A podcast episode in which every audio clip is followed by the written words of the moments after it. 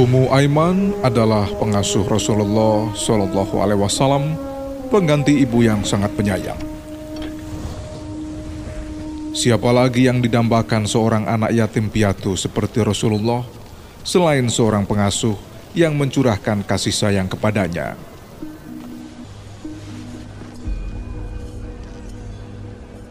Wanita itu bisa tampil sebagai ibu yang membelainya setiap saat menemaninya di kala sendirian atau bepergian. Dialah tempat tercurahnya segala keinginan dan pelepas segala dahaga kasih sayang. Saat itu penduduk Mekah sedang berkemas menghadapi datangnya pasukan gajah dari Ethiopia. Mereka menggalang kesatuan dan persatuan, hidup saling bahu-membahu. Di tengah kesibukan mereka, Aminah binti Wahab, ibunda Rasulullah Shallallahu Alaihi Wasallam, mengisolasi diri, ingin mendapatkan ketenangan hati. Ia ingin membahagiakan anak yang berada dalam kandungannya.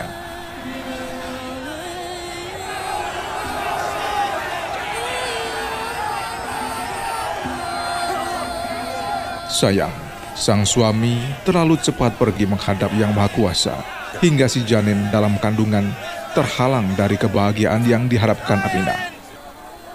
Ayah si janin adalah Abdullah bin Abdul Muthalib yang kelak menjadi ayah seorang bayi bernama Muhammad bin Abdullah.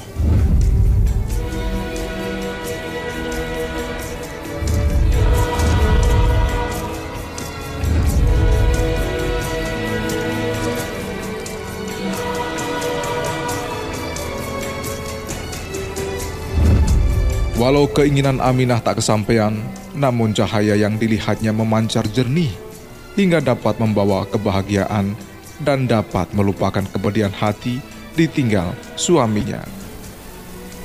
Janin yang berada dalam kandungan dirawat dengan baik hingga kemudian Allah Subhanahu wa taala menjadikan rasa kasih sayang di dalam hati umat manusia.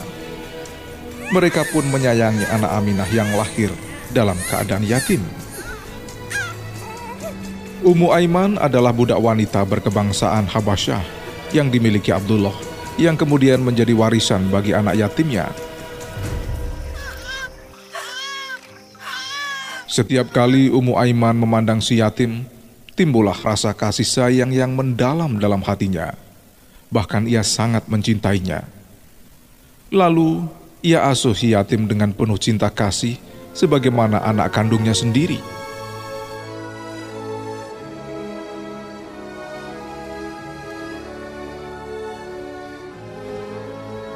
Melihat hubungan mesra antara Ummu Aiman dengan si yatim, banyak wanita tukang menyusui yang merasa iri. Mereka ingin memisahkan keduanya dengan harapan si yatim bisa menjadi anak susuannya.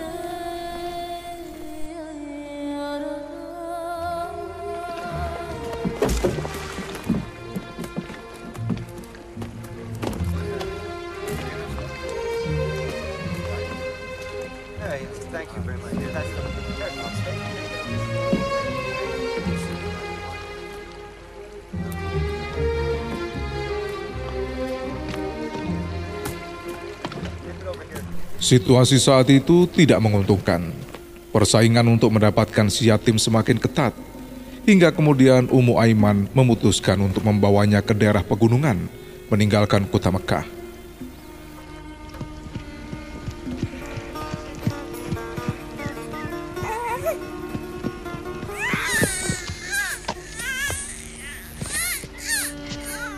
Atas perpisahan itu, Aminah binti Wahab merasa sedih dan iba.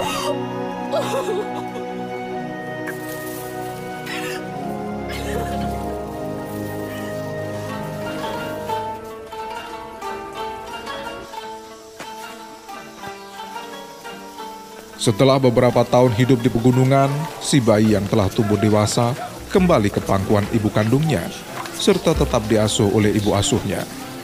Mereka hidup penuh kasih dan kedamaian di kota Mekah. Pada suatu hari, Aminah binti Wahab membawa si yatim pergi ke Yastrib, bersilaturahmi dengan sanak famili yang berada di sana.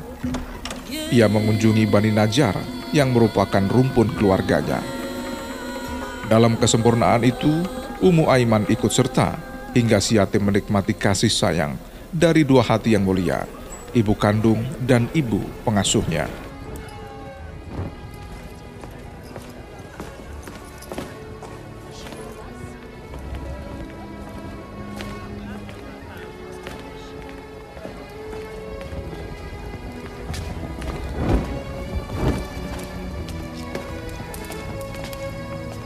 Setelah dianggap cukup, Aminah segera kembali ke Mekah.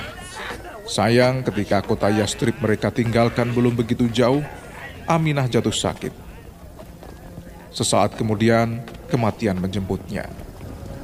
Di desa Abwa, Aminah dimakamkan, satu desa yang tak jauh dari makam suaminya, yaitu pada suatu perjalanan pulang dari Yastrib ke Mekah bersamanya waktu dulu ketika anak kesayangannya masih dalam kandungan.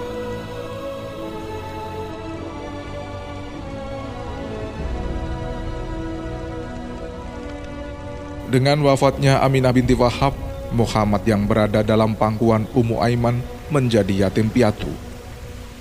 Ia tinggal bersama pengasuhnya lalu pulang ke Mekah menemui kakek dan paman-pamannya. Sejak itu Ummu Aiman berperan sebagai ibu, mengasuh dan membimbingnya sewaktu kecil hingga dewasa. Ketika si yatim telah dewasa dan telah berumah tangga, Ummu Aiman dimerdekakan dan dikembalikan haknya sehingga kemudian wanita itu hidup secara layak.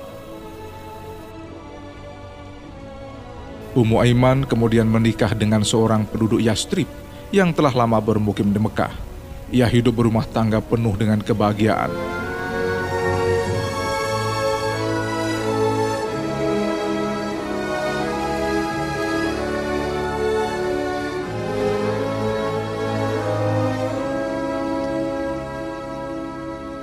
Perjalanan waktu membuat semuanya berubah. Ummu Aiman pergi ke Yastrib meninggalkan Mekah bersama suaminya. Ia hidup di negeri kelahiran sang suami. Dalam perkawinannya dengan Ubaid, Ummu Aiman dikaruniai seorang anak bernama Aiman. Setelah suaminya meninggal, Ummu Aiman kembali pada anak susuanya, Muhammad. Ummu Aiman dan anaknya yang bernama Ainan bin Ubaid selanjutnya tinggal di Mekah hidup di bawah naungan sang yatim yang pernah diasuhnya. Aiman bin Ubaid diperlakukan sebagai adik kandung sendiri oleh Muhammad bin Abdullah, sebab dalam kenyataannya mereka adalah saudara sesusuan.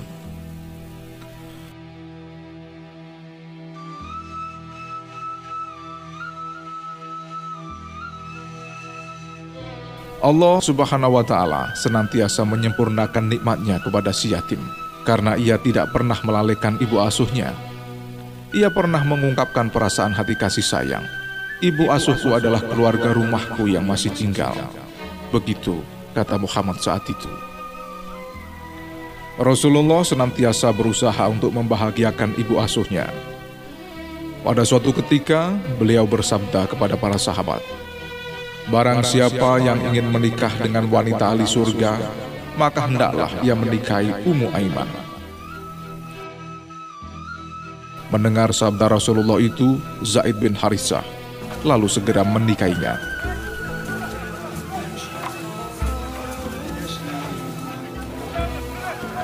Ketika peristiwa hijrah ke Madinah, Ummu Aiman ikut serta. Tak ada yang memantapkan langkahnya dalam perjalanan kecuali iman yang membara di dalam dada. Ketika sampai di Madinah, Ummu Aiman langsung disambut gembira oleh anak asuhnya. Mereka pun hidup berdampingan. Hari-hari Ummu Aiman selalu dipenuhi dengan keceriaan. Hampir tak pernah berpisah dengan anak asuhnya itu.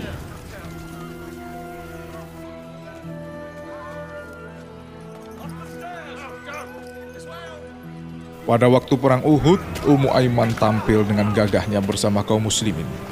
Ia berkeliling membawa air, memberi minum orang-orang yang terluka dan kehausan. Pada perang Khaybar, ia juga hadir, memberi semangat kepada kaum muslimin. Di waktu-waktu senggang, tak jarang Rasulullah Shallallahu Alaihi Wasallam bergurau dengan Ummu Aiman, ibu asuhnya. Saat itu beliau melontarkan gurauan yang selalu menyimpan mutiara-mutiara hikmah bagi siapa saja yang mendengarnya.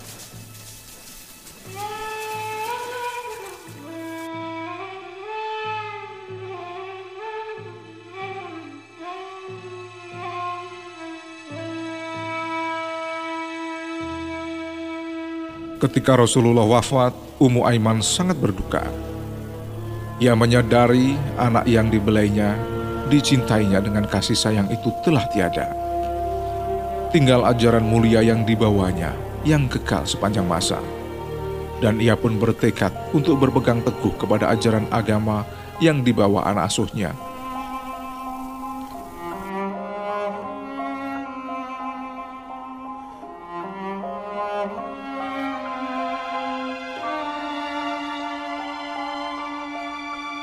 Umu Aiman termasuk wanita yang dikaruniai usia panjang.